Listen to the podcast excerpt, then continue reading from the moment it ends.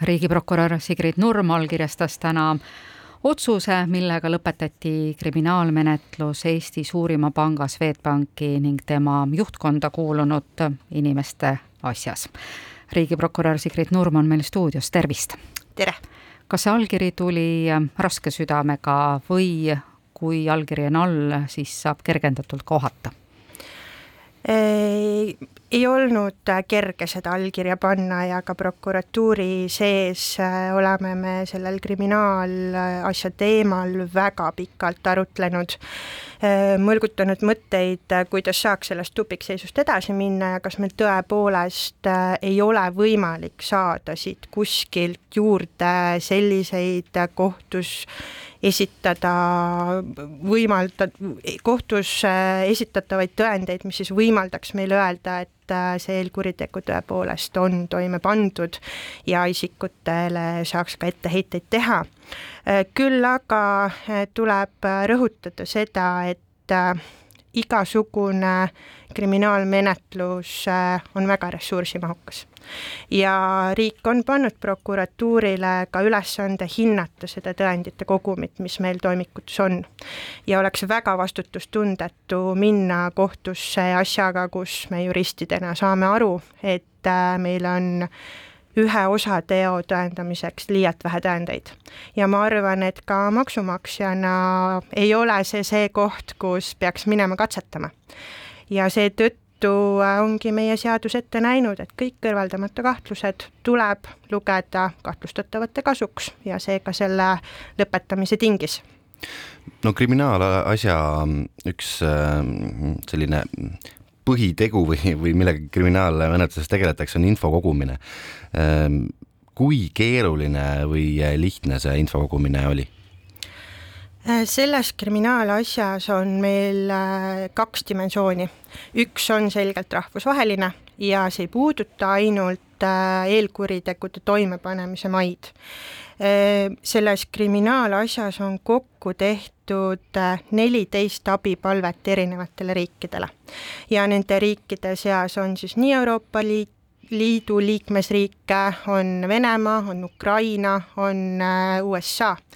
Äh, ja see on olnud äh, selles mõttes keeruline, et äh, rahvusvaheline koostöö on oma olemuselt juba niisugune, mis võtab natukene rohkem aega ja nende tõendite analüüsimisel paratamatult tekivad uued küsimused, mis tingib uute abipalvete saatmise.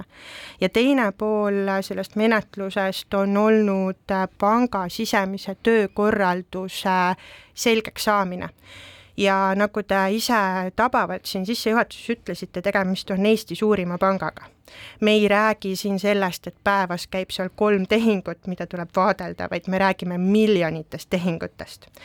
ja see grupp, mida me nüüd siis äh, lõplikult Äh, uurisime, mis oli seotud Venemaa eelkuriteoga, sinna kuulus äh, seitse, üle seitsmekümne erineva äriühingu.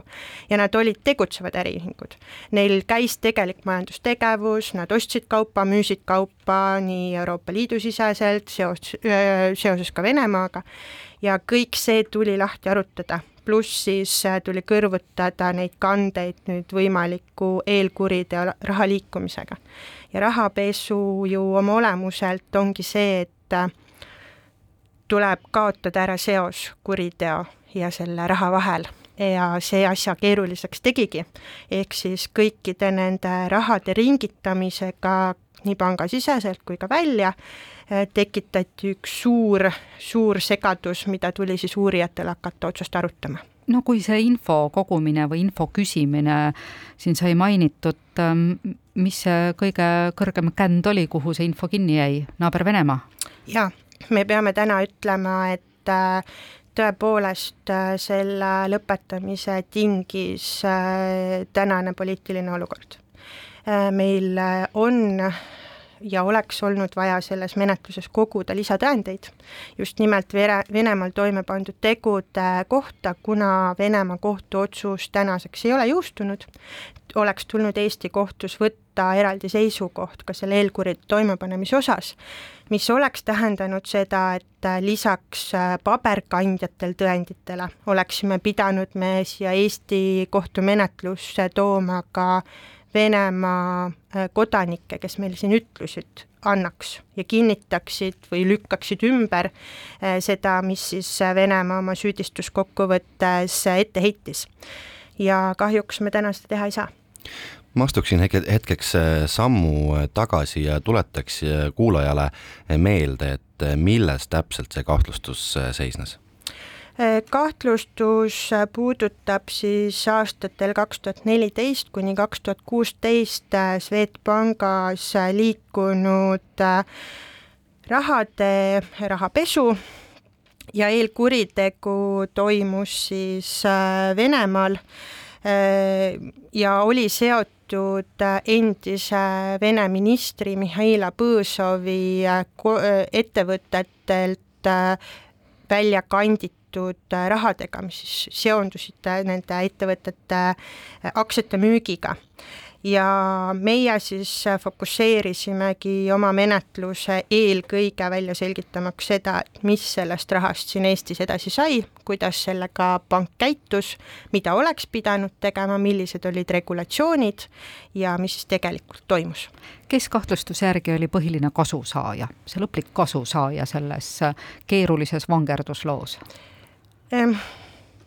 Kui me räägime nüüd äh, rahapesust kui kuriteost üldiselt, siis äh, tegelik kasusaaja on äh, ikkagi ju see, kes on selle algse eelkuriteo toime pannud, kes tahab seda raha kasutada siis legaalses majandustegevuses, sest et kellegi eesmärk ei ole ju pangakontolt välja võtta raha ja järgmine hetk oodata, et mingisugused ametiasutused tulevad teda vahistama kui me vaatame seda poliitilist olukorda ja me saame siin ainult oletada, sest meil ei ole neid tõendeid, siis eh, olukord Venemaal selle eelkuriteo toimepanemise hetkel oli selline, et Mihhail Põõsovist oli saanud äh, minister äh, ja Venemaa siseriiklike seaduste kohaselt ei tohtinud ta tegeleda ettevõtlusega ja samuti ei tohtinud ta välja viia Venemaalt varasid, mis olid saadud ettevõtlusest ja nüüd, kui me vaatame kogu seda skeemi, mida me siin kriminaalmenetluses nägime,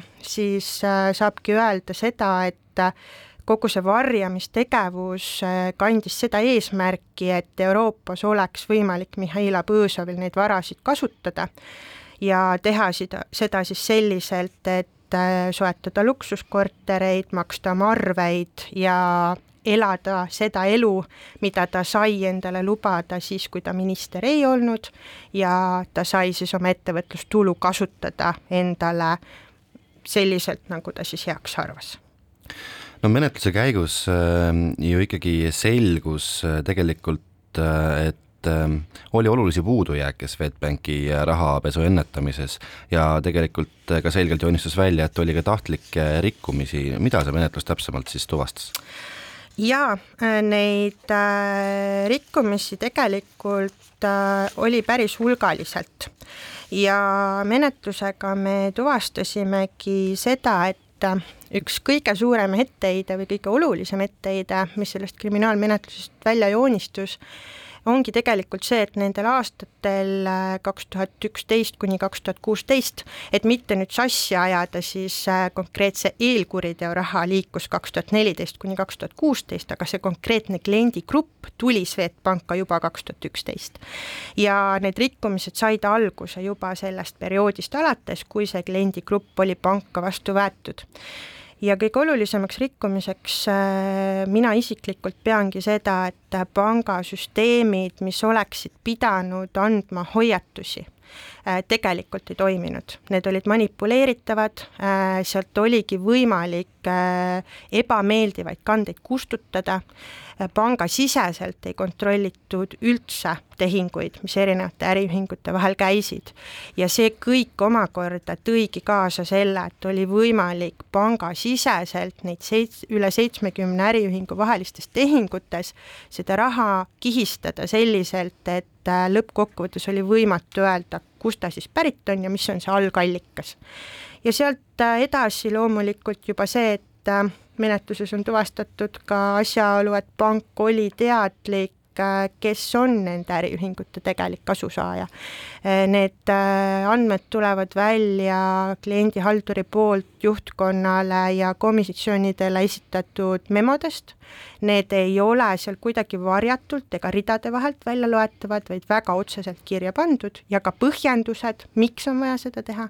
Ja pank sisuliselt aastast kaks tuhat üksteist kuni kaks tuhat kuusteist seda aktsepteeris no väga loodame, et Swedbank on oma õppetunni vähemalt äh, saanud ja asja parandanud. meie aeg kahjuks intervjuuks täna on läbi, riigiprokurör Sigrid Nurm, aitäh läbi astumast! aitäh!